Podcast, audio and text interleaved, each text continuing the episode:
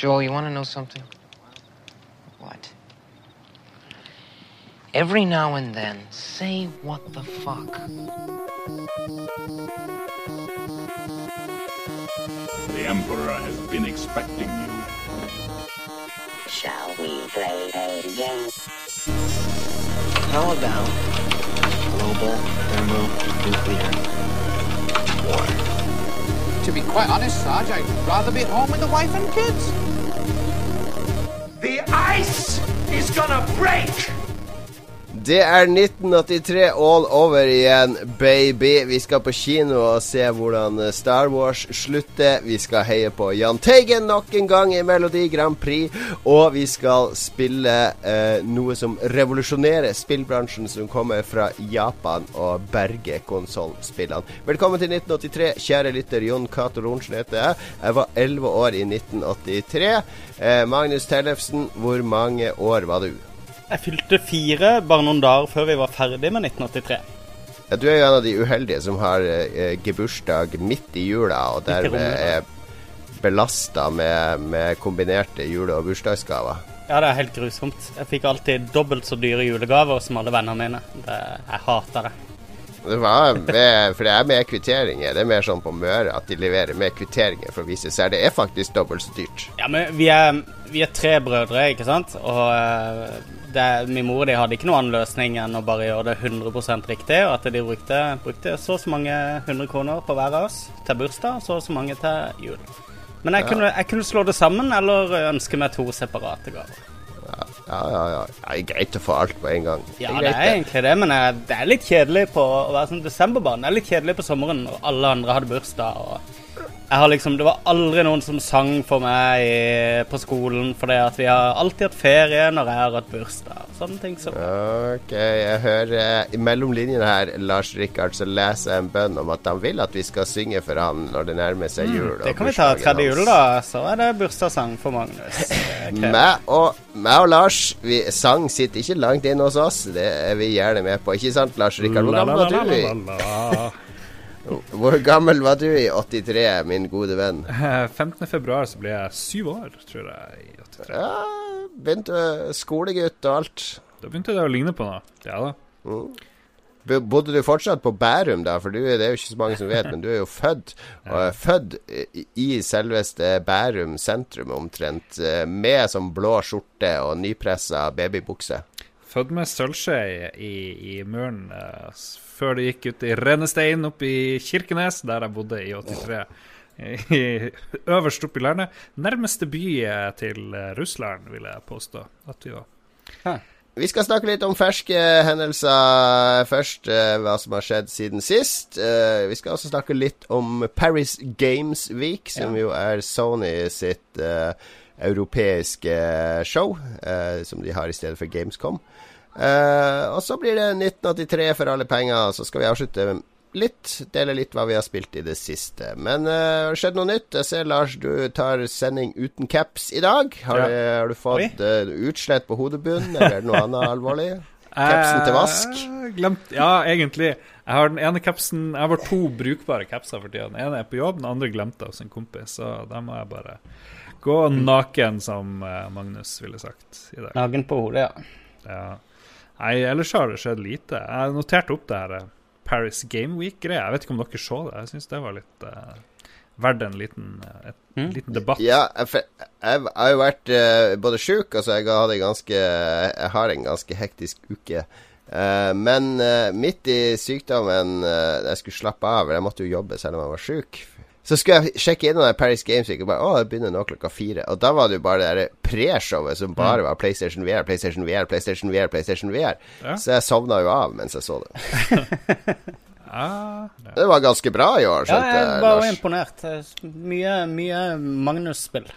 Som De hadde jo litt skuffende, skuffende etere der Ja. folk var skuffa over at det ikke ble vist noe nytt. Og så pøste de på med masse nytt her, og det var vel litt uventa, for de pleier jo å spare det til det PSX-messa som de har i, Ja. I Vegas er det vel, eller i, i Nei, California i desember. Det var en sånn insider som tweeta at det er bare å glemme det der PSX, PlayStation Meeting, eller hva det er som kommer senere. Det er Paris som gjelder. Og jeg satt og så på det her preshowet òg, så da kom det plutselig et, kanskje mitt, eh, et av mine favorittspill, som kanskje ikke alle har sett, det der Hongkong Massacre.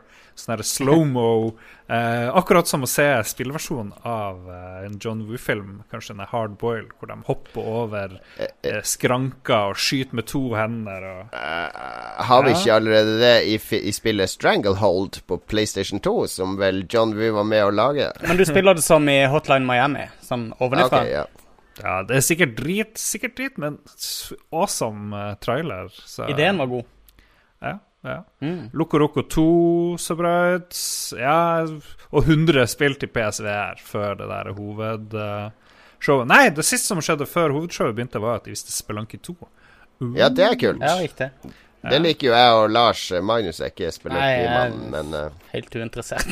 Men er det, hva, hva er det vi skal med et Spelunky 2? Fordi Spelunky Ja. er jo så å si perfekt. Jeg skjønner ikke helt hva de skal improve. Ja, men det har du helt rett i. Men vi, kan vi få den der um, Urke, Surke, hva heter han som lager musikken der? Han må vi jo få. Eirik Surke, ja, han har studio i Oslo som uh, Han kan eh, spille uh, The. Beans. Jeg tipper han er med å lage musikken her òg, så Nei, men det er et godt spørsmål. Men noen mener at det vil ta, finne sted i ytre rom, oppe i verdensrommet, kanskje. Uh, traileren viser at det er sønnen til han der spelankefyren som liksom tar over. The Mantle. Men eh, jeg tipper vi kommer til hatspillet, og så kanskje vi oppdager at det er genialt likevel etter hvert. At det er noe sånn skjult skjulte dyb dybder. Hva det heter for noe. Jeg syns det er spennende. Og så har jeg også sett at vår favorittspillregissør, David Kash, har vært i vinden pga. på grunn av en, en trailer der i hvert fall det er vel bare Eurogamer kanskje som er eh, i harnisk over at det er noe sånn domestic violence eh, mm. depiction i den traileren. Men eh, jeg, jeg så den traileren. Jeg synes Den var skikkelig kul. Jeg føler det ga på en måte quicktime events en, en litt ny mening når du spilte det i, i den konteksten der. I sånn full panikk og far som skulle banke og basically drepe dattera si og Veldig dramatisk. Og jeg, jeg syns ikke det var noe Det var ikke noe spekulativt i det hele tatt. Det var jo ikke noe sånn der Det var ikke morsom musikk på Det var ikke lagt på fete lydeffekter. og det var jo en, det var en ekkel, skummel situasjon som måtte bli vist som man gjorde, syns jeg. Ja. Så var det også ganske brutal, den der eh, Last of Us Part 2-traileren. er jo ganske Den så jeg ikke, og jeg vil helst ikke vite noe om den, Lars. For jeg har ikke runda eneren ennå. Ja, Så jeg vil helst ikke vite hvem som er i live engang. Ja, ja, men det, det, de kaller det vel torturporno, nesten, eller noe sånt. Ja, Mye folk som er Og kvinner, da, som er i nød, og som blir knust på og slått på, alt mulig rart. Men, men Jeg leste en sa på Twitter at det var bare vold uten kontekst, men er ikke det 90 av trailere? altså Vold uten kontekst. Det oppsummerer jo alt. Ja, Detroit-trailer er jo vold med kontekst, Ja, faktisk. Men uh, ja, Last of Us er noe Last of Us. Jeg, jeg, tror jeg er ikke noe Jeg, jeg tror de uh, Amy Hennig var litt viktigere for Naughty Dog enn mange vil tro. Så jeg vet ikke helt hva jeg skal forvente av hva de lager nå. Jeg tror uansett at uh, en av styrkene til Jeg har jo spilt sånn halvveis gjennom Last of Us, da, og en av styrkene i det er jo at det er jo den historiefortellinga over tid. Og eh, eh, det er liksom ikke noe du kan oppsummere i en trailer. Jeg tror ikke, jeg tror ikke de kan lage en trailer som gir et godt bilde av åssen toren kommer til å følge opp eneren, liksom. Vi får la Magnus konkludere med at det går ikke an å vise hvordan toeren skal følge opp eneren. Det er en verdens kjedeligste vits nå. Vi er, vi er bare i november. Lytterne ler like høyt Jeg hver gang. det. Apropos november. Uh, Ja. Er det Movember? Jeg har ikke hørt noen nevne Movember i hele dag. Jeg så en la opp et bilde av uh, eh, sånn skjeggstubber i vasken til morgenen i dag, så jeg regner med det betyr Mm. at eh, han klipper barten for å begynne å spare. Ja, det er vel, det er noe, Jeg har lagd en sak om November, men det er noe som heter blå sløyfe. Som jeg tror har tatt litt over. Det her er- Ja vel? Greier. Hva er det for noe? Det er noen prostatakreftgreier. Um, Movember samarbeider før med norske kreftforeninger, men nå samarbeider kreftforeninger med Blåsløyfe, som jeg vet litt for lite om. Men det er tydeligvis Det er mulig det er noen sånn kamp, battle, mellom Movember og Blåsløyfe. Det blir jo for Ja, dumt. altså, Kan ikke er bare ta en måned hver? Det er jo det er kreft, liksom. Vi kan godt samle inn to måneder. Kan vi ikke bare bruke eh, november til å barbere rumpa? Altså barbere ru rumpehårene hver dag. Så Du mener kan vi slå sammen de to. Eh, eh, Prostata og, og barbering. Det har, det har vi begge to. Og så tatovere en blå sløyfe på rumpa. Ja, det var en kjempeidé. Er det andre, Magnus? Har du laga noe ny mat eller noe spennende? Kjøpt en ny caps? Jeg har fått meg en ny, uh, ny kokebok, faktisk. En bakebok. Så nå er jeg i gang oh for fullt med baking. Hver uke en ny kokebok. kokebok. Ja, jeg har, jeg har faktisk en del kokebøker på vei nå som vil komme litt sånn spredd utover de neste månedene. Så det ser jeg frem til. Fuck. Så det Her, her forleden så var det et sånn der eh, nesten tredagersprosjekt som eh, til slutt bare skulle eh, Litt sånn feilberegning av tid, så klokka tre på natta så kunne jeg ta frem en deig, og så bare liksom dele den opp, og så skulle det i kjøleskapet, og så skulle jeg vente til dagen etterpå.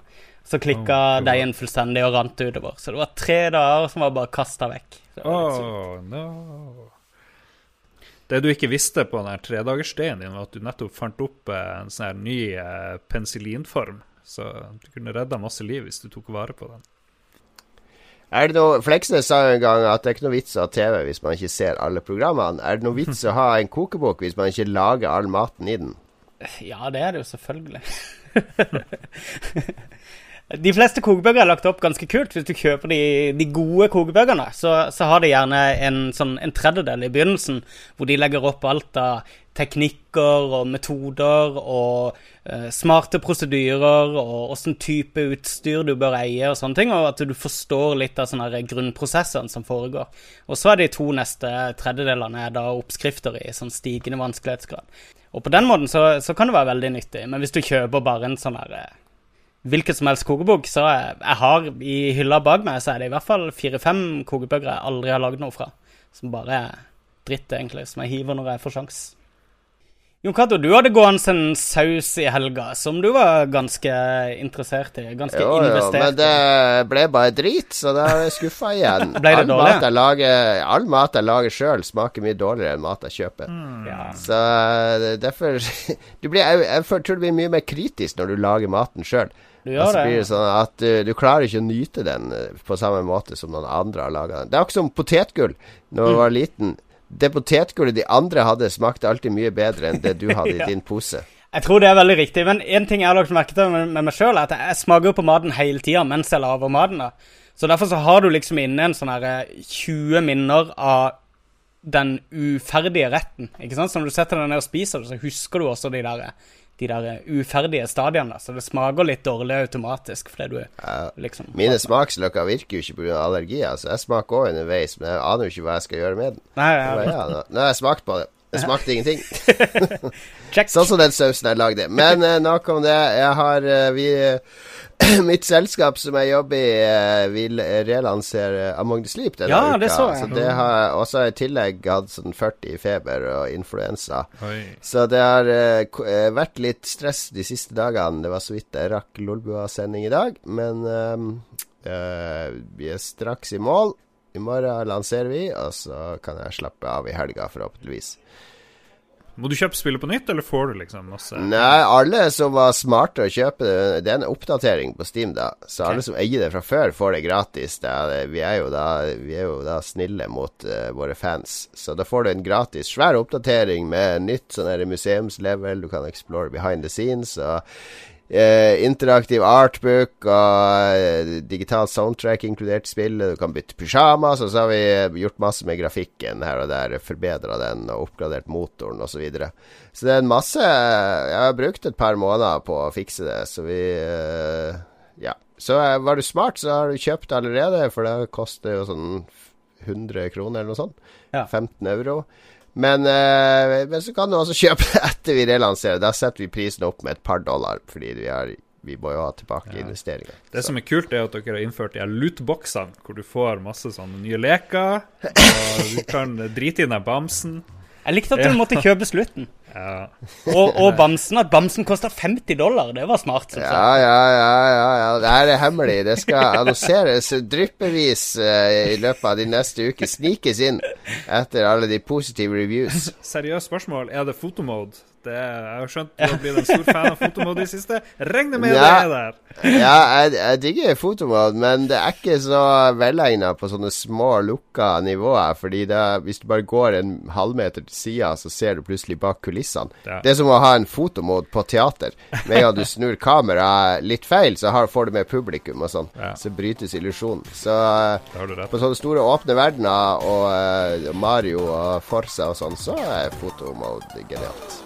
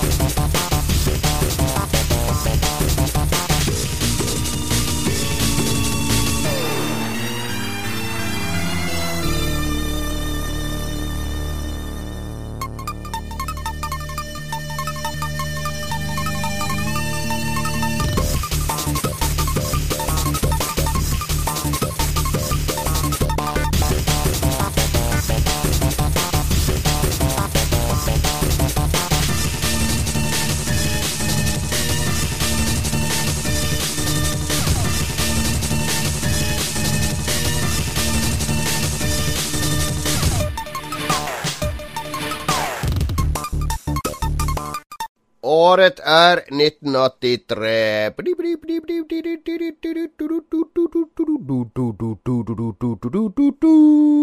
Vi starter Geeky ARPANET, det amerikanske forsvarets tidlige forsøk på å lage et nettverk av sammenkobla datamaskiner der Interessant nok. Norske maskiner var de første utenlandske som fikk koble seg på.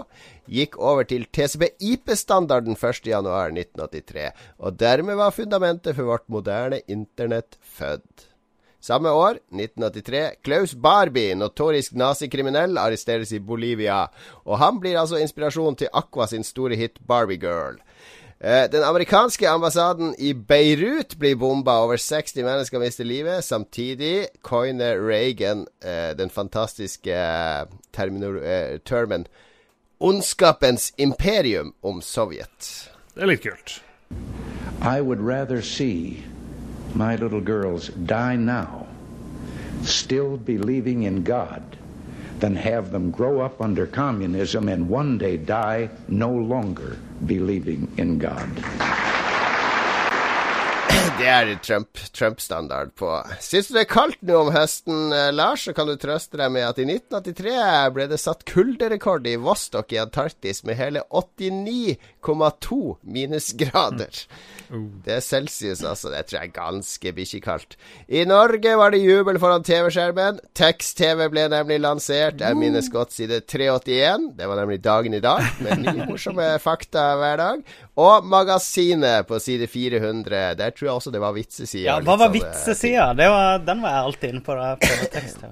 Det ble fast besøkt hver dag etter skolen. Eh, en hel haug med norske båter havarerer også dette året, fra skøyter til, til diverse. Jeg vet ikke helt hva som skjedde på havet eh, det året, men eh, Cthulhu våknet opp, det ble for kaldt i havet, og kom opp og tok Det var det første jeg tenkte på. Men, men så tenkte jeg også at det er en sånn odd chance at en av lytterne er i slekt med en av de Ja. sjømannene som omkom i en av de båtene, så jeg tenkte jeg ikke skulle dra det dit. Lars. Okay, okay. Eh, i, I fotballverden er det et sørgelig år. Liverpool vinner den engelske ligaen, og Vålerenga vinner den norske. Eh, ikke mye jubel der. Bare drit. Menneskeheten setter for første gang spor etter seg utenfor vårt solsystem idet Pioner 10 forlater solsystemet. Romskipet fortsatte sin ferd ut mot det ukjente, og helt fram til 2003 hadde vi radiokontakt med det lille skipet, som nå svever videre, en som har forlatt på sin ferd mot ukjente planeter og solsystemer. Live long and prosper, Jupiter 10. Eller pionertid. Ja, Pioner 10, det stemmer det. Um, den tifots pionerjolle det er snakk om her, ikke sant? Som de Ja, Det er ganske fantastisk at de kom seg ut i verdensrommet med, med sånn det minner meg om uh, din forsnakkelse fra Klekken, der du påstod at du hadde vokst opp i en titommer. Oh, shit. Okay. Snakka om sin, egen- sin fars penis igjen der. Nei, må du slutte nå. Du skal, nå er du drøy, Lars. I dag er du drøy. Ja. I dag er tramper, tramper over. Det er samfunnet Jeg skylder på samfunnet. Yes, nei, men det var, var, det var selvfølgelig mye krig og terror og skit og lort i 83, men det var liksom ikke de store, svære nyhetssakene som har satt Nei. sånne spor etter seg for det. Det har vært noen store greier. Ja, Internett er jo stort, da. 83 Internett dukker opp sånn spede forsøk. Ellers så har de forrige årene Det har vært noe liksom noe ordentlig. Det har vært noe ordentlig hele veien, liksom.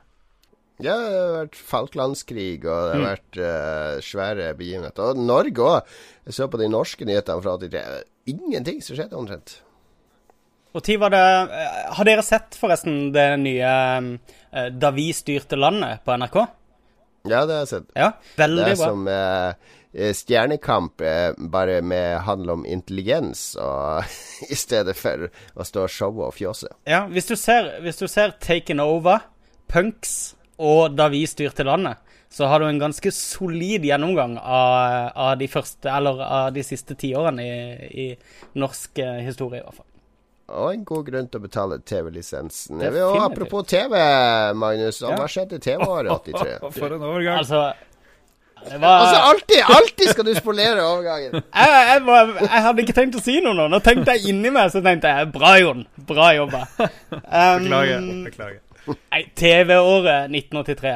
Alle som eh, husker 1983, eller fragmenter av det, vet jo at eh, TV var drit helt frem til 90-tallet. Stort sett.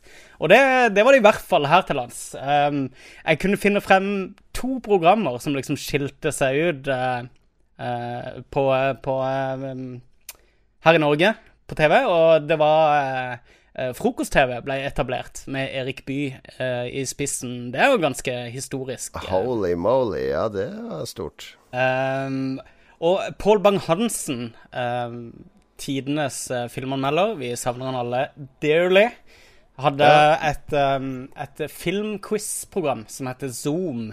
Som jeg mener å huske Du- at jeg så litt på. Ja, du, du har jo sånn spot on impression av Paul Bang-Hansen, Magnus. Har du hørt? Kan ikke du ta den? Nei, nei, ja, nei, nei. Nei, nei, Har ikke du Du har hørt det, du òg, Lars? Har du ikke det? Ja, ja, ja. Absolutt. Ja, ja, Kom jeg er igjen. helt enig om det. Ok, du spar, du spar, det, spar det til episode 200. Skriv det ned. Episode 200, Magnus om Paul Bang-Hansen. Um, uh, faktisk er fetteren til min far jobber i Aftenposten og har masse fyllehistorier med Pål Bang-Hansen fra da de reiste på Cannes-festivalen sammen, og en del absurde turer til Tyrkia sammen og sånne ting på 70- og 80-tallet. Jeg tror han var den gamle skolen. Han, han var jo min inspirasjon som spilljournalist, for han brukte jo åpne intervjuer med 'Jeg syns filmen du har laga er forferdelig. Hvorfor har du laga den?' Han var så kul. Jeg husker vi lo av han. Jeg syntes han var så tåpelig og latterlig hele eh, 80-tallet. Og så etter hvert så bare skjønte jeg at eh, for en faglig tyngde han hadde. Uansett. Oh yeah. Internasjonal TV, det er jo veldig lite å se på. Man kan se på serier som forsvant det året. Da eh, Sånn som Dallas, Little House on the Prairie, Taxi og MASH ble alle avslutta i 1983. Det er Ganske store serier. Um, de prøvde seg på en Pacman-serie og en Hulk-serie året før, som begge to også ble kansellert uh, i 83. Um, Michael Jackson slapp uh, thriller-videoen. Um, som fremdeles vel regnes som en av de beste musikkvideoene som noensinne er lagd. Eh, han slapp vel også for uh, Billie Jean. Um, av serier som starta opp, da, her er det veldig mye av min barndom, i hvert fall. Du har sånn som Fragland. Starta i 1983. Uh, Fraggle Kom Rock. og syng en sang. Leke gjør vi dagen lang. Vi er godt i gang. Det er igjen, en, en av de eneste seriene fra, fra min barndom som jeg, jeg husker liksom at jeg, som jeg bare kan de norske stemmene på, faktisk. Ja. A-Team A-Team begynte i 1983. Kom igjen, Eh, jeg hadde jo ikke kanaler, så jeg kunne jo ikke se A-Team, men uh, If you can find them, yes. you can hire the A-Team. Nettopp. Jeg hørte dere snakka om He-Man sist. Men Oh yeah, He-Man! altså, så vidt jeg kunne finne ut, så, så begynte ikke He-Man-serien å gå på TV før i 1983, og det var derfor jeg hadde den med nå, da. Jeg var jo stor fan av He-Man. Jeg har jo Så ser jeg toppen av skjermen der. Er det? Eh, på huet mitt ser du at det det er en sånn her eh, sidelengs eh, sånn dinosaur med åpen munn. Det er et He-Man-skjelett som har vært med meg fra leilighet til leilighet. Og, Et He-Man-skjelett? Ja. Hva er det for noe? Uh, det er et sånt skjelett som har noen sånne her, eh, eh, klips på sidene, så du kan liksom klippe på uh, He-Man-figurer. Så, så, sånn at de liksom rir på He-Man-skjelettet. Hvem var din favoritt i He-Man? da? Var det He-Man sjøl? Var det Skeletor? Eller var det han der svart, med, svarte med trollmannen som fløy rundt? Orko? Eller Stra Stratos var det vel òg en som het? Ja, ja, ja. Orko. Det var han der lille som, uh, som ligna på den der eh, Fun Fantasy-karakteren. jeg hadde figuren, og jeg hadde veldig mye figurer. Jeg hadde He-Man, Man at Arms uh, Så hadde jeg Skeletor. Så hadde jeg et par til bad guys. Uh, og Ram-Man, han var fet. Ja. Han, han som var ekstra ram, han husker ekstra mye. Ram. Hvis du skal sende noen på butikken, så sender du Ram-Man, for han kan han huske hele eh, handlelista i hodet. Figuren var veldig kul da, for det med Ram-Man. For kunne uh, Han var sånn som kunne Han hadde sånn der uh, metallplate på toppen av hodet. Og så kunne han hoppe inn i ting og knuse det. Det var jo liksom superpoweren hans. Men på figuren så kunne du liksom presse han ned, sånn at beina føyk opp igjen. Så kunne du trykke på en liten switch bak på ryggen, så hoppa han. Så kunne han hoppe en meter eller noe. Det var ganske kult. Hva du tror de er verdt, de der greiene? Det er skjelettet Ikke en dritt. Tror du Jeg ikke? tror ikke de er verdt noen ting hvis ikke du liksom Nei, har det He-Man var vel en av de første tegnefilmseriene som ble laga Altså der leketøyet tror jeg ble laga før serien. Ja. Altså bare, ja, la, oss lage, Ja. la oss lage en serie rundt det her så, som skal egentlig bare være reklame for leketøyet. Ja, jeg, jeg kommer jo rett fra Jeg var med liksom på tampen av Star Wars-greia med figurer. Men det var liksom He-Man som var min epoke. Eh, neste var vel Thundercats etter det, og det var ikke jeg med på. Da var jeg liksom for stor. Men, eh, men jeg har liksom litt Star Wars og veldig mye He-Man på samvittigheten. Det du ikke har på lista di, Magnus, det er jo bildebrev fra Florida med Erik Diesen. Eh, Var det i 83? Sjette og siste Florida-bildebrevet fra Erik Diesen dreier seg om smått og stort som skjedde i 1982. Erik Diesen, beste jobben i verden.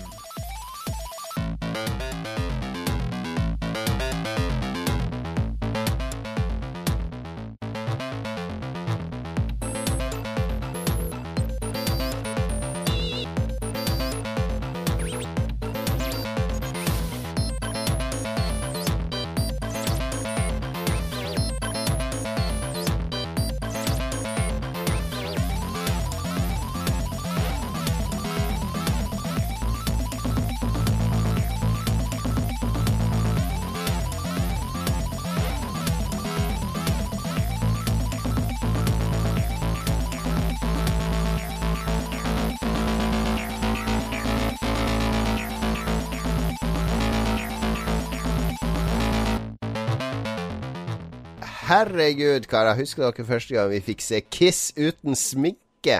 Jeg husker det gikk rykter om det på skolen, og jaggu var det ikke sant. Det var en spent elleveåring hjemme i Harstad som satt og så på disse døve, halvgamle gubbene med lange femikrøller som ble avbilda i VG denne ettermiddagen. What? Magien ble liksom borte, barndommens illusjoner brast.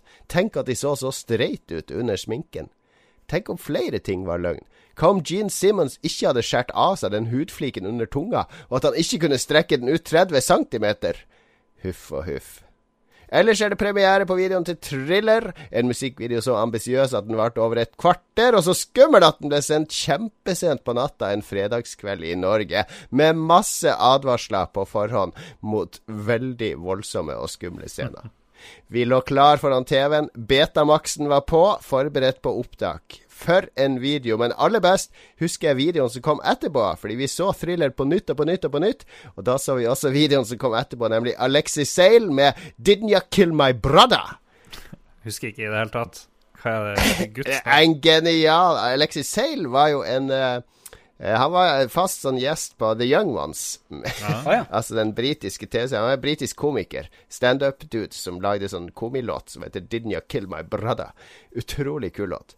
Dave Mustaine får dette året sparken fra Metallica etter en øl og en vodka for mye, og Kirk Hammett kommer inn. eh, med gitaren sin. Ellers herjer flashdance-musikken på hitlistene. Bowie tar en kommersiell vending sammen med Le Chic-gitaristen Niles Rogers og kjører på med Let's Dance, China Girl osv. i et av hans mest kommersielle og suksessfulle album. Carola herjer på hitlistene med 'Fremling', hva døljer ni for meg. Bonnie Tyler og sin hese og ru eh, røst. Eh, Norgesvenn Bonnie Tyler, vel å merke. Total Eclipse of the Heart. Den, altså. M Monrose Monrose inntar hitlistene med 'Sunday People'. Verste, Eh, verste fake eh, jeg har hørt. Det er jo der første Monroe. norske ska-låta, er det ikke det? Det må jo være første norske ska-låt. Ja, de var De var, var dyktige til å Erkebritiske rapp, rappe ting som var trendy, og ja. det. Det var de. Og så har vi jo den store hiten fra dette året, René og Renato med 'Save Your Love For Me'. Det er en sånn utrolig dårlig ballade med sånn her eh, klimpre Save your la la la la la la la Det som går sånn hele låten. Melodi Grand Prix. Vi avslutter som vanlig der. Ingen vet hvem som vant den internasjonale finalen uh, dette året. Jeg, til og med jeg, Grand Prix-mesteren, husker ikke, husker ikke den låten her med Corinne Yes. Hermé med Zila Vi er Cadeau fra Sveits eller Østerrike eller noe sånt. Sveits, tror jeg det. Og, men det norske bidraget, det husker vi alle godt. Det var jo Jahn Teigen i storslag med hiten Do, re, mi, fa, so, la, ti, do. Do, re, mi, fa, so. Skalaen er i sang. Alene, osv. Igjen med tekst skrevet av eh, Herodes Falsk, som også skrev teksten til Adjø. Ah, en kløpper, han Herodes Falsk, altså, før han ble gal. Tok sikkert for mye drugs. Sånn gikk det med dem. Ja. De som ikke har hørt det, eller de som ikke har sett den der eh, literal-versjonen av Total Eclipse of the Heart med Bonnie Tyler, eh, de må se den, hvor de synger, synger ny versjon, men de synger alt som skjer i videoen.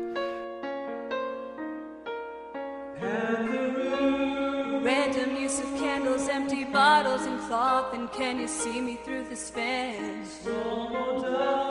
Creepy dollar window and what looks like a bathrobe, then a dim shot of dangling balls. Close up of some candles and dramatically posing, then stock footage of a moon in the sky.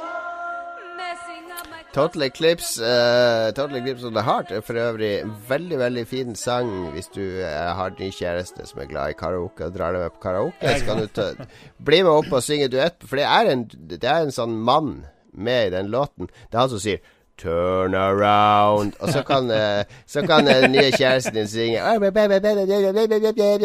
Og så kan du bare si Turn around, baby. Det, det er veldig lett å synge mannsdelen av den, så det er perfekt for kjæresteduett der eh, mann egentlig ikke vil synge så mye. Det er veldig sånn her eh, normativ kjønnsrollemønster her, vil jeg si. Mann skal synge det, kvinnen skal synge det. Hva med de transkjønnede? Jeg syns sangen passer for alle. Absolutt alle. Ikke bare den fordomsfulle ungkaren. Bokåret 1983. Vi setter som outsourcer som vanlig den mest intellektuelle spalten til den minst intellektuelle. Lars, hva skjer i 1983? Jeg gidder ikke å sjekke så mye. Uh, masse bøker fra Stephen King, eh, som vanlig. Uh, men høyt høydepunktet er jo Terry Pratchett, som begynte sin, uh, sin Hva heter det for noe? Discworld-serie med boka 'Color of Magic'. Husker jeg prøvde å lese de på nytt. De her eh, fantasy-bøkene, humoristisk fantasy, foregår oppå ryggen til en stor eh? Skilpadde. Skilpadde. The Great Atuin, som flyr rundt i verdensrommet med kjempemange folk på ryggen og så videre. Fire elefanter, vel? ja, ja. Og et magisk univers som bare blir bedre og bedre. Jeg prøvde å lese de tidlige bøkene, sånn som Color of Magic. Jeg er, noe jeg er litt drit, vil jeg si, eh, de der første. Tydelig at uh, han, eh, han skulle bli flinkere etter hvert. I hvert fall mer sånn strømlinjeforma. Lettere tilgjengelig. Det er jo litt mer anarkistisk. Ja. litt mer Monty Python, de første, for det var det ikke noe det. Det er jo sånn fighter her som hører sånn terningkast og alle sånn. Det er mye mer abstrakt, Ja. føler jeg. Men så ble det mer og mer struktur på den verden, og jeg syns jo de ble egentlig kjedeligere og kjedeligere. Det blir mer og mer eh, ble malt inn. Ja, de maler seg inn i et hjørne når de gjør sånn som det der. Det er jo det jeg hater med Don Rosa òg. Dette han har gjort med, med Onkel Skrue-historien. Med at han har liksom strukturert og systematisert alt, sånn at det er umulig å komme opp med nye ting eller å, å fucke med Du må liksom sjekke det gamle før du kan gjøre noe nytt. da. Um, jeg syns Color Magic er kul liksom for Jeg vet ikke, for det, for det han er, men jeg er enig med deg om at uh, noen bøker lenger ut i serien så ble det veldig mye bedre. Enig der. enig der. Vi kan hoppe rett på filmåret. La oss ikke tvære på de her bøkene. Ja. Do it! Du sa jo 'Heksene', Roald Dahl. og Det er jo en av mine favorittbøker av Roald Dahl, faktisk. Kom ned i 83. Gamle Roald. Eh, på filmfronten eh, Nå har jeg bare plukka ut eh, de klart eh, eh, tydeligste superhitsene. Det er ganske mange å velge mellom. Men eh, i 1983 kommer selvfølgelig Vi må jo begynne med Star Wars. eh, Return of the Jedi. Den eh, alle dere som er gamle og grå, hater. Og mens jeg, som var bitte liten, syns det er en dritkul film. Det var også den første filmen, eh, eller den eneste Star Wars-filmen hvor jeg var tror jeg i hvert fall, var med å samle på de der Panini-klistremerkene. Uh, og jeg fylte i hvert fall tre sånne album med, med komplette klistremerker til Return of the Jedi. Så det er mye minner til. Så kom War Games, en av de filmene jeg har sett flest ganger uh, av alle filmer i verden. For den kjøpte pappa på video på 80-tallet til oss. Shall we play a game? Oh. I think I missed him. Yeah, weird, isn't it? Love to. How about global thermonuclear war? Wouldn't you prefer a good game of chess? Later, let's play global thermonuclear war. Fine. All right. Det kommer to Stephen King-filmer samme år, og begge to er jo superhits, i, i, i hvert fall i sånn Stephen King-merittlista. Um, og den derre uh, Disney-morgen-julekavalkaden, den der som kommer på morgenen på julaften på NRK, Aha. den ble vist for første gang i 1983. Og det var, først, ja, det var første gang uh, Mickey Mouse var på en animert film på jeg vet ikke, sikkert 30 år eller noe. Han ble ikke brukt lenger. Han var liksom en død character. Og ja. Um, veldig Men hvilken del, hvordan hvilken del av det her er juledriten? Det er jo den uh, Det begynner med Timmy Gresshoppe som sitter og synger sammen med feen, ikke sant? Og så Hva er det han synger? Kan ikke du synge det? eh, Sangen heter When I Wish Upon a Star, hvis ikke jeg husker Ah, feil. den der, ja. Den, ja. Ja. Og så er det der eh, From all of us Yes. to all of you. Happy Hanukka. A very merry Christmas. Si. Uh, men den er dritkul. Vi gjorde den kardinalfeilen med å ta den opp på video et år, så vi endte opp med å se den en haug med ganger i løpet av året som gikk. gjorde, det gjorde vi òg. Men Mikke gjorde ikke så mye. Han spilte jo bare piano i denne filmen. Ja, han er, han er bare en sånn mellomkarakter som liksom introduserer uh, forskjellige. Uh, jeg tok med selvfølgelig Scarface også, som jeg syns bør nevnes. Scarface holder seg. Jeg syns det er en kul film Han den Han holder seg bra. Say a lot to my little friend. Det, det, det inspirerte jo veldig mye av Vice City-handlinga. Ja. Grand Theft Auto Ja, det er jo hele Vice City. er jo, er jo Scarface, liksom. Det er Miami Vice pluss Scarface, så har du hele, hele GTA Vice City. Um, I forgårs så, så jeg Monty Pythons uh, The Meaning of Life igjen, som var en uh, vittig sammen, et vittig sammentreff. For det ble, var også en film som kom i 1983. Jeg gir meg. Mm. Du har, eh, grunnen til at jeg fasa litt ut, det er jo at eh, jeg så ingen norske filmer der. Det er jo viktig å ivareta vår norsk, norske verdier. Vi har fått mail fra Sylvi Lysthaug som syns vi snakker for lite om norsk, norske verdier. Jeg gikk gjennom eh, filmåret 1983 i Norge, og det var, det var grusomt lite å melde på den fronten. Nei da, det Det var en den nordnorske det Den nordnorske klassikeren 'Piratene' om Mm. Piratradiovirksomhet. Som, som Tungtvann har sampla og Jeg har aldri hørt om han. Kan ikke Nei, jeg, var, jeg, var, jeg fylte fire år dette året her. og jeg, hvor, eh, hvor mye om Nord-Norge forventer du at jeg skal kunne? Back to school, Magnus. 'Piratene' er den beste norske filmen fra 1983. Men Ja verdt å merke, husk at eh, Monty Python kom med 'Meaning of Life'. Det var den siste Monty Python-filmen, før de oppløste. Den norske versjonen av Monty Python, hvem er det? Det er Brødrene Dal. Jeg, jeg vet at du sa det. Det var for å bygge bygge ja, en bro Okay, det tusen takk. Nei, det er ikke Brødre Dal, det var Primavera. De kom nemlig med Soga om Olav den hellige, som jeg også så på kino Å i 1983, som var en så katastrofalt dårlig film. Det er mye historie om den katastrofale innspillingen av den filmen, og som også førte til hele, at hele Primavera rakna sammen det året. Så både Monty Python og Primavera eh, forsvant ut. Monty Python med en morsom film, Primavera med, med noe av det største makkverket som er laga.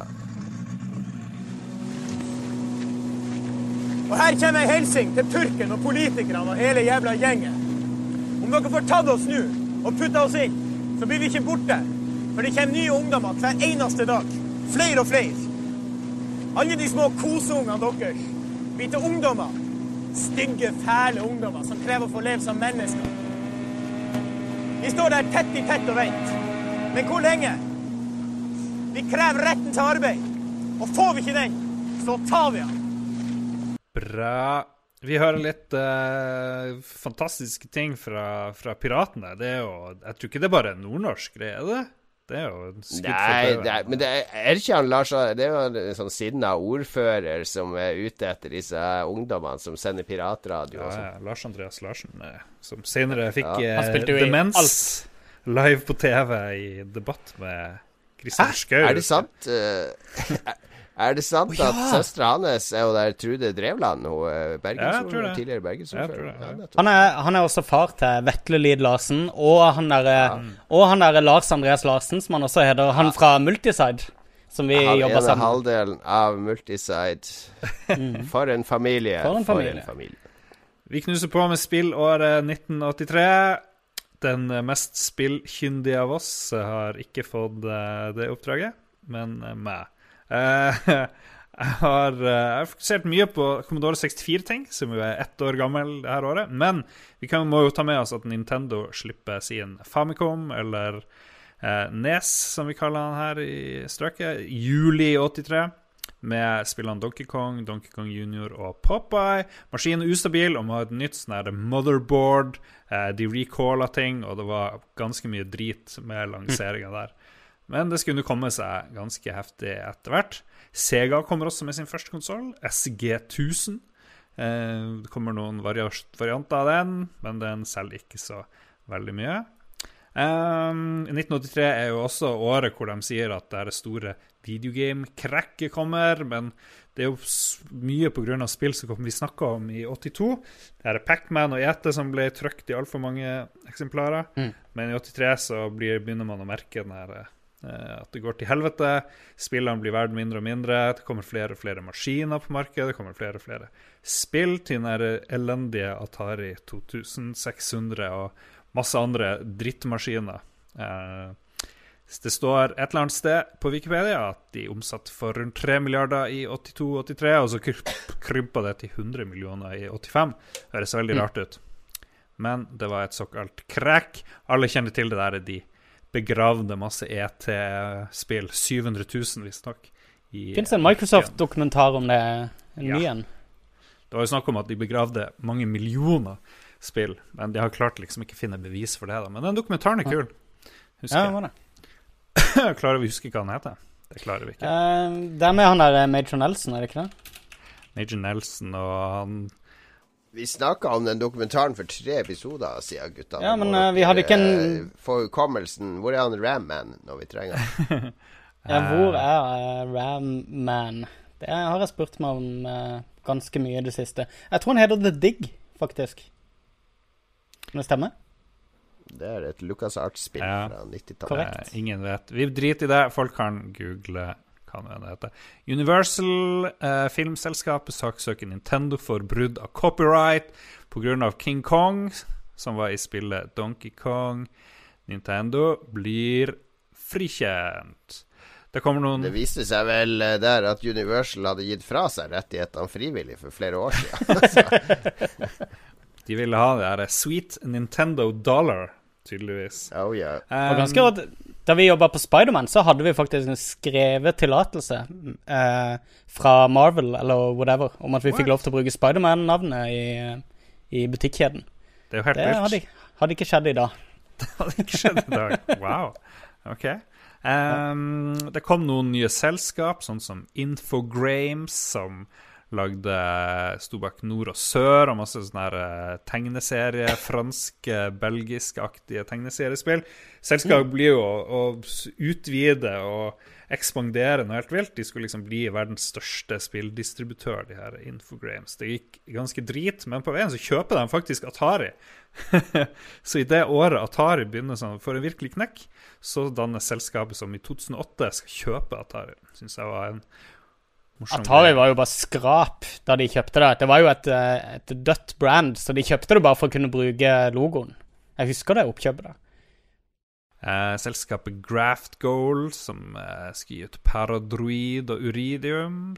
Klart art Commodore 64 kom i 83. Origin System, som jo står bak Ultima og Wing Commander-serien, kommer også. Og så kommer det dritmye. Eh, liksom På Wikipedia så hvordan Carsons spill kom i 83, så står det ingen av de spillene her, nesten. Og det er jo stor synd, men kommer masse kult til eh, fortrinnsvis Commodore 64, som jeg har eh, sett mest på.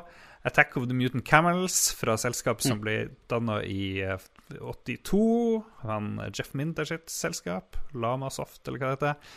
BC Quest for Tires kom. Astic Challenge, Loadrunner, Manic Miner, Blagger, Bluemax, Davids Midnight Magic, Miner 2049er og Scramble, for eksempel. Mye awesome.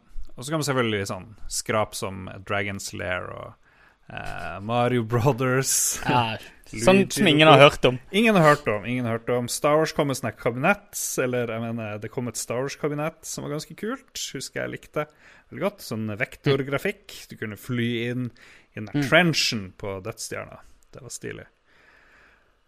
Og så syns jeg det var gøy at et spill som heter Begas Battle, er et sånn laserdiskspill. Eh, regnes som kanskje det første spillet som bruker FMV-animesekvenser til å fortelle en historie mellom all arkadeskytinga. Skyld på Begas Battle, som bare resirkulerte på sånn derre typisk vis en random anime sine serier i sitt spill. Og så kan du skylde på Dragon's Lair for alle um, quicktime-eventsene i, i dagens spill. Yo. Har dere noe å bidra med, mine venner? Har du ikke sett uh, nye Stranger Things ennå? Det er svær Drag Dragons Lair-sekvens i første episode. Ja, Der. Jeg har ikke sett. På Arkadehallen. Pretty cool. Atari Game Over heter den uh, Ja. greia. Jeg fant, fant tittelen. Yeah.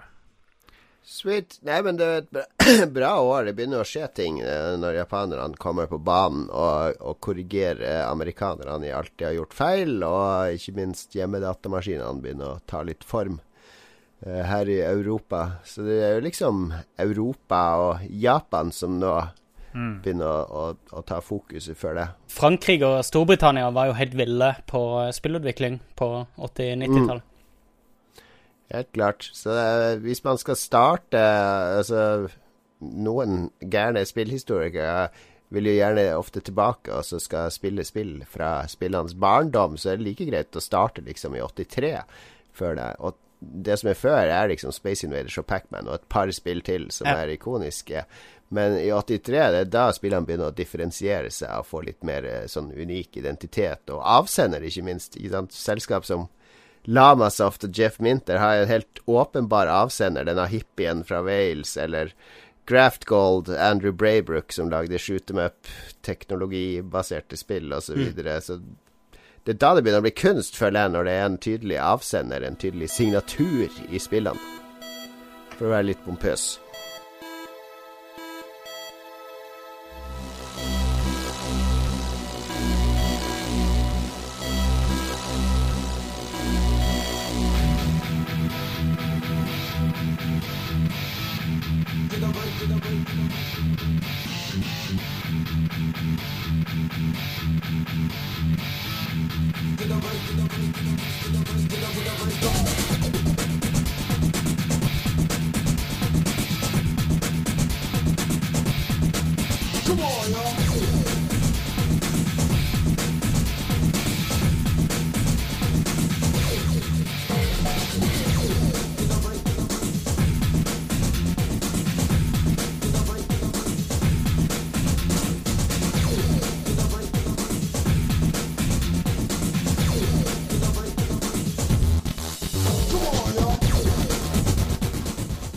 Hva mener lytterne om året 1983? Vi, for hvert år som går fremover nå i Lolbua, så er det jo flere og flere lyttere som faktisk eksisterte i året vi, vi tar for oss, eh, Lars. Ja, men eh, 1983 er jo et år vi har funnet ut Det skjer ikke, skjedde ikke så mye.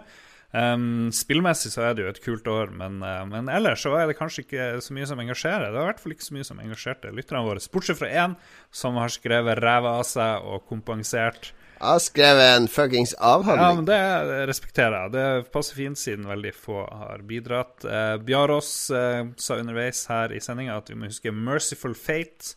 Plata med Melissa, eller sangen, jeg vet ikke hva det er, som kom i 1983. Eh, musikkrelatert så sier vår venn Dag Thomas at uh, det beste som skjedde i 83, var at musikalen Annie ble framført for siste gang. Uh, jeg kan dra rett i helvete. Jeg vet ikke hvor det sinnet kommer fra. Men det tar jo alle bidrag. It's a hard knock life for us. Jeg kan anbefale for Bjarås, som tydeligvis er Merciful Fate og King Diamond-fan, om å sjekke ut. Det fins et eller annet sted på nettet. Jeg husker vi hørte på dette da vi gikk da vi jobba på Akosmik, så fikk vi tak i et sånt klipp hvor de har tatt alt King Diamond sier mellom sanger på livekonserter, og uh, miksa det sammen til, til en uh, samlegreie. Det er veldig morsomt. Han, han, er dansk, King Diamond, og han sier de teiteste satanistiske tingene som fins uh, live. Sjekk ut det. King Diamond mellom, uh, mellom livesanger. Jeg prøvde å finne navnet på det opptaket, men jeg husker ikke hva det er. Men det er tips. Yeah. Um, så kan jeg nevne Raymond Eikås Kaspersen, som trekker frem Return of the Jedi, og Michael Jackson. Så kan noen andre plukke ut det de vil fra neste bidragsyter. Mm, ja, nei, jeg sier jo vår venn Jens Arthur. Din gode venn oppe i Harstad, Lars, som bor rett nedfor deg.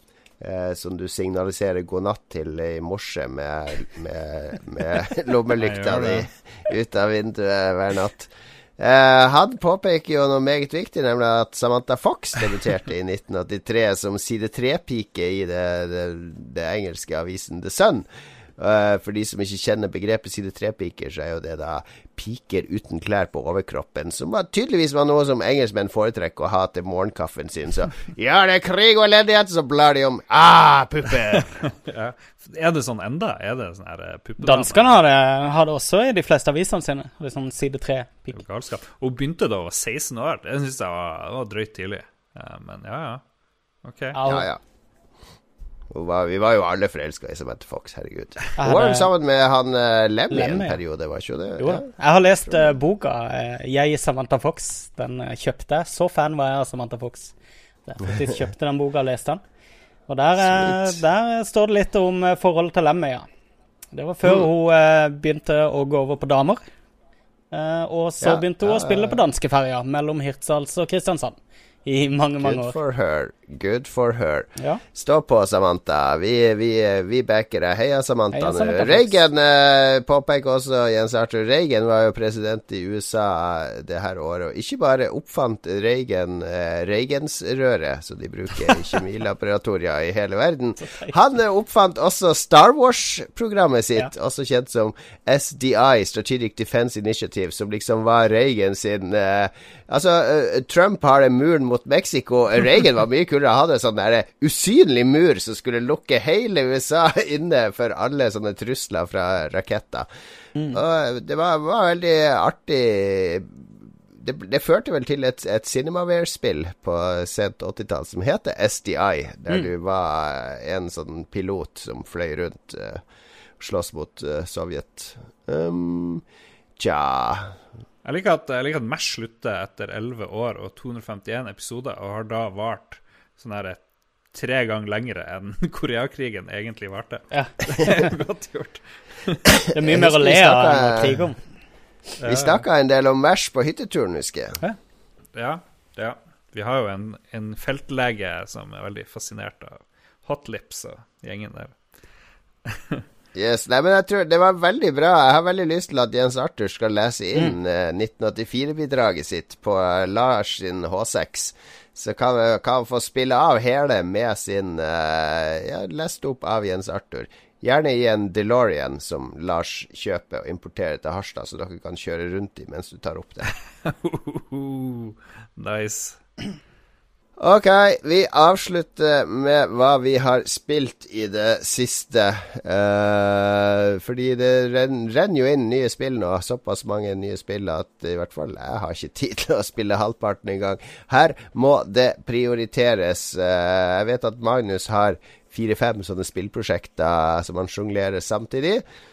Aldri en god idé. Eh, snakker av erfaring, men eh, vi får se åssen det går. Det er ikke første gang. Eh, Nei, det er det nok ikke. Meg og Lars vi har i hvert fall spilt et av årets eh, store, store spill, nemlig Super Mario Odyssey. Oh yeah. Hva du sier? Eh, Hva du sier? Nei, jeg, jeg, jeg, syns det, jeg syns det er så pent. Det liksom henger jeg meg opp i ofte. Hvordan klarer Nintendo å få det der uh, Super Mario-greiene til å se så sykt pent ut? Mm.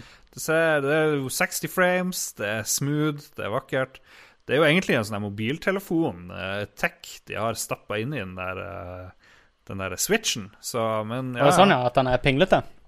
den er sykt pinglete, men det ser bra ut. Men uansett, bortsett fra det, det, det jeg bare jeg er lamslått av Super Mario Odyssey.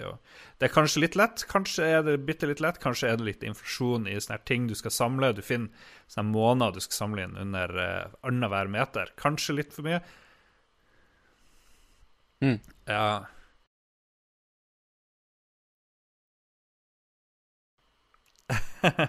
ja. Ja, riktig. Ja.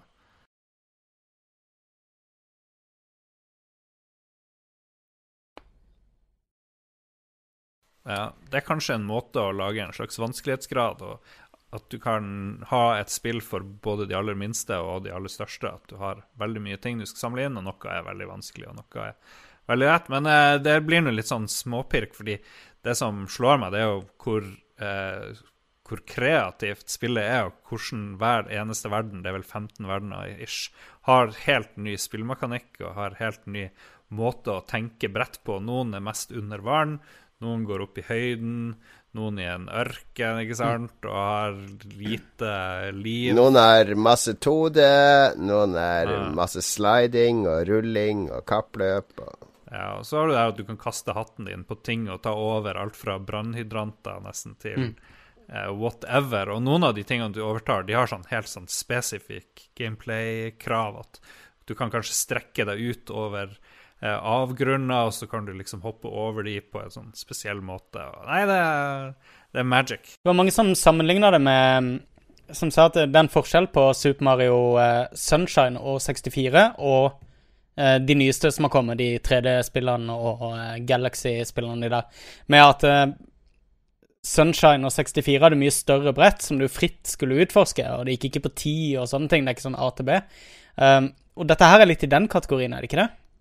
At uh, du har god Absolutt. tid på brett. Uh, det er, ikke noe, er det noe timer når du er i de åpne brettene? Nei.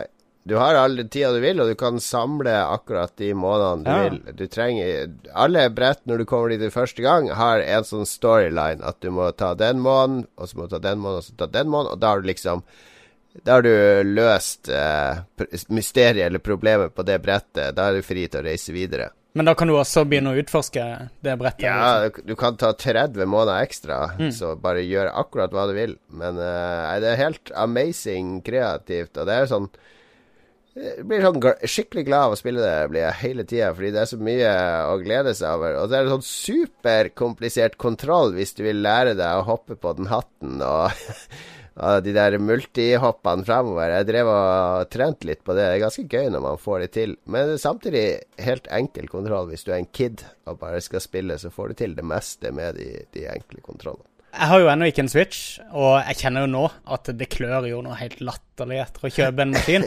Men det det er 3800. Jeg, så, jeg var ute i eh, butikker den dagen det slapp, og jeg så at veldig mange butikker var utsolgt allerede for Switcher med Mario-bøndler. Og veldig få hadde spillet separat. da. Ja, Men er det verdt å kjøpe konsollen bare for å spille det spillet, tenker jeg? 3800 kroner? Tja, du blir jo å andre ting òg. Det er jo en herlig maskin. Det er jo, den er jo håndholdt, så du tar den jo med deg hit og dit Mm. og spiller litt sånn andre ting òg. Kanskje du spiller Jeg, jeg så en morsom og- eh, Ja, Nintendo har jo morsom statistikk på det der med åssen folk spiller Switch. For det er, jeg tror det er sånn 17% som kun spiller den dokka. Mm. Og så er det litt over 20% som kun spiller den bærbar. Og så er det liksom de 60 resterende, de kombinerer de to, da. Så, så det er ganske få som bare bruker den som en stasjonær. For jeg trodde jo jeg bare kom til å spille på TV-en. Men det er så Ja. utrolig behagelig å bare slide den opp og ta den med Ja. seg opp i senga, og så bare ligge og spille en halvtime til før leggetid. Jeg skulle gjerne gjort det. Eh, For, for meg er det litt biblioteket foreløpig. Som, altså det er bare ikke nok titler, tror jeg, å velge mellom for å rettferdiggjøre det. Men Mario er jo et superargument. Det ser så bra ut. Alt jeg har sett fra det, ser helt magisk ut. Nei, det er to, uh, 2000 tomler opp. Uh, Oi. 10 000 tommeltotter, fiskeskvett og selbuvotter fra Lars og meg til, eh, til uh, Mario Odyssey. Oh, Kjøpte Switch. Ja. Det har aldri vært en konsoll med så Så mange imponerende spill i lanseringsåret. Det har Zelda, Mario, Mario vs. Rabbids, Splatoon, som er amazing. Du har Arms, som er kjempekult, men dessverre eh, kommer i skyggen av mye. Men det har blitt veldig bra. Jeg spilte på nytt for en uke siden. Ja. Så eh, Nintendo har en helt amazing rolle i år. Jeg har aldri sett noe lignende. Hvis jeg skal velge et å snakke om i dag, hvilket vil dere høre om? Jeg tror du har skrytt mest av det her eh, Shadow of Mordor-aktige spillet. Det er det jeg har spilt minst av disse tre. Men eh, Ta, ja. ta Wolfenstein, det er det du vil snakke om. Wolfenstein er jo det ferskeste, i hvert fall. Og det, det er det jeg Ja. er definitivt mest inne i akkurat nå. Det, det er så bra, det. Det er, det er et strøgent skytespill. Er det her en oppfølger til det forrige svenske Wolfenstein? Det er en oppfølger til The New Blood. Um, og det er det eneste som suger litt, da. For du går rett inn, og så må du ta et valg om hvem som skal overleve av to stykker fra det forrige spillet. Uh, og du må ta det valget i begynnelsen. Hæ? Drit. Ja, det suger litt, for jeg har ikke runda det eneren ennå. Så, så det suger litt. Men så kommer du inn i spillet, og jeg, jeg syns det er så kult åssen eh, Doom og Wolfenstein, som i utgangspunktet egentlig utspilte seg ganske likt uh, på begynnelsen av 90-tallet, åssen de har klart nå å bare harness harnesse liksom sjela i de to seriene, og gjøre de til to vidt forskjellige spill, som egentlig har en ganske lik hovedperson i begge to. Så mens Doom har gått mer inn for den der stramme, superkjappe eh, Altså bare action, action, action, så, eh, så har eh, Wolfenstein skapt et sånn karikert eh, eh, Litt sånn som disse her uh, Inglorious Bastards. Et litt sånn type univers. Hvor du tar universet seriøst, men eh, og det er masse eh, brutale, kjipe ting som skjer der. Men samtidig så drar de andre ting så utrolig langt ut i slapstick-land at eh, du sitter og gauler av latter mens du spiller eh, samtidig. Utrolig gjennomført, velskrevet og eh, superbra balansert eh, action-skytespill der, altså. Jeg, har ikke lest så mye om det, men, eh, men alt jeg hører, er at det er så kul verden og sånn. Det er er liksom ingen som sier er, er det Prey, eller er det Doom, eller hva er, hva er spillet for noe? Er det Fallout? Er det, hva, hvordan spiller man det? Er det gøy å spille, Ja, ja, eller er det bare kult å se på alle de cutsidene og møte alle de figurene og se på omgivelsene? Nei, men det er bare Det universet er på uh, Altså, dette er jo et Hvis du har spilt noen av de forrige nye Wolfenstein-spillene, så kjenner du til hva, som, hva action ligger i. Du kan dual-wielde alt av våpen, du kan oppgradere våpnene dine, og du går konstant og plukker opp armor uh, og health. Det er ikke sånn at du regenererer eh, helse i dette spillet, uh, men du kan eh, Du har 50 health, er liksom maks-healthen din, men du kan spise health, bar, health packs. Jo, jo, det, akkurat det gjør man i Doom altså, det kjenner jeg igjen. Så de- de spiller Men hva er på det- forskjellen på det og Doom, da? Eh, her så er du jo i mye mer sånn urbane omgivelser. Eh, du befinner deg i nedbomba byer eller siviliserte strøk. Du løper i korridorer. Veldig mye sniking, som du da har null av i Doom. Uh, og uh, veldig mye sånn perks som du må unlocke ved å bruke stealth og kaste økser og, og liksom å drepe folk på kreative, litt smarte måter, da. Dødsmye ting å plukke opp som jeg syns kanskje distraherer litt fra resten av spillet. Um, men supertighte kontroller, og det er, det er et spill som virkelig tør å utfordre deg. Det er ordentlig vanskelig når det er vanskelig. Altså ordentlig dritvanskelig. Og um, jeg har ikke gjort det sjøl, men jeg skjønner hvis noen uh, vipper ned vanskelighetsgraden på noen av konfrontasjonene. For det, det er skikkelig hårete. Så det er super tight, kjapp action, ganske bra AI, uh, kul sniking, dritbra grafikk og som sagt en kjempebra verden. To, uh, to Heil Hitler-armer opp fra fra Yes. Magnus til, til Wolfenstein, altså. Er deg uh, 14 ord for det. Det var det vi hadde i denne omgang fra 1983. Vi får se om vi får fletta en anbefaling neste gang. Jeg hører det er unger som skal legge seg bak her. Mm. Eh, Har vi noe mer å meddele? 1984 neste gang. Mm. eh, store George Orwell-romanåret. Jeg tror det er mye bra filmer det året der, blant annet. Sikkert mye bra Commodore 64-spill. Ja. Det tviler vi ikke på. Vi fikk jo ikke med Stein sendte ut et bidrag helt på slutten. Du hadde nemlig glemt Jumpman i din liste Ah, ja. over Commodore 64-spill. Katastrof, katastrof. Det er bra.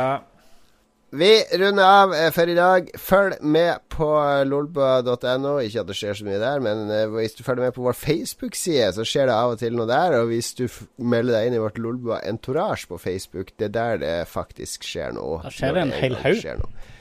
Eh, vi er også på Twitter, Lolbua. Eh, ellers så håper jeg du har en bra Movember. Vi er alle godt i gang med Movember-bartene våre.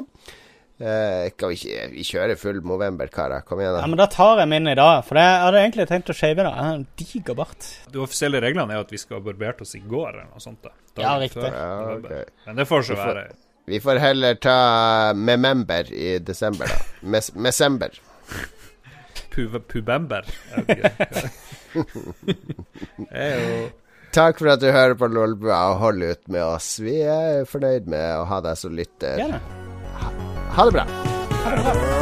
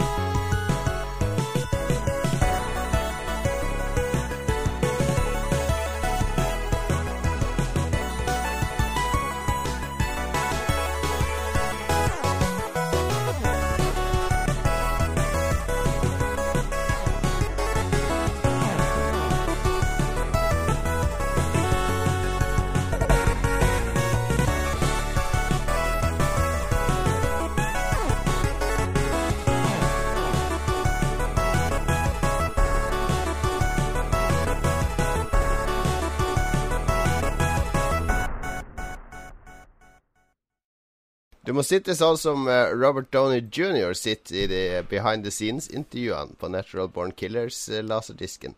Okay. Der, der sitter han med litt sånn svidd teskje hele tida i hånda og gestikulerer med rødskutte øyne og rød rundt nesen. Han sitter med heroinskjea si Ja, ja. og snakker. Jesus lord. Det er sånn. Det er Dette var rett før rehab. ja, det er ganske mørkt, det intervjuet. Uff, for en fyr. Har du et enkeltpersonforetak eller en liten bedrift? Da er du sikkert lei av å høre meg snakke om hvor enkelt det er med kvitteringer og bilag i fiken, så vi eh, gir oss her, vi. Fordi vi liker enkelt. Fiken superenkelt regnskap.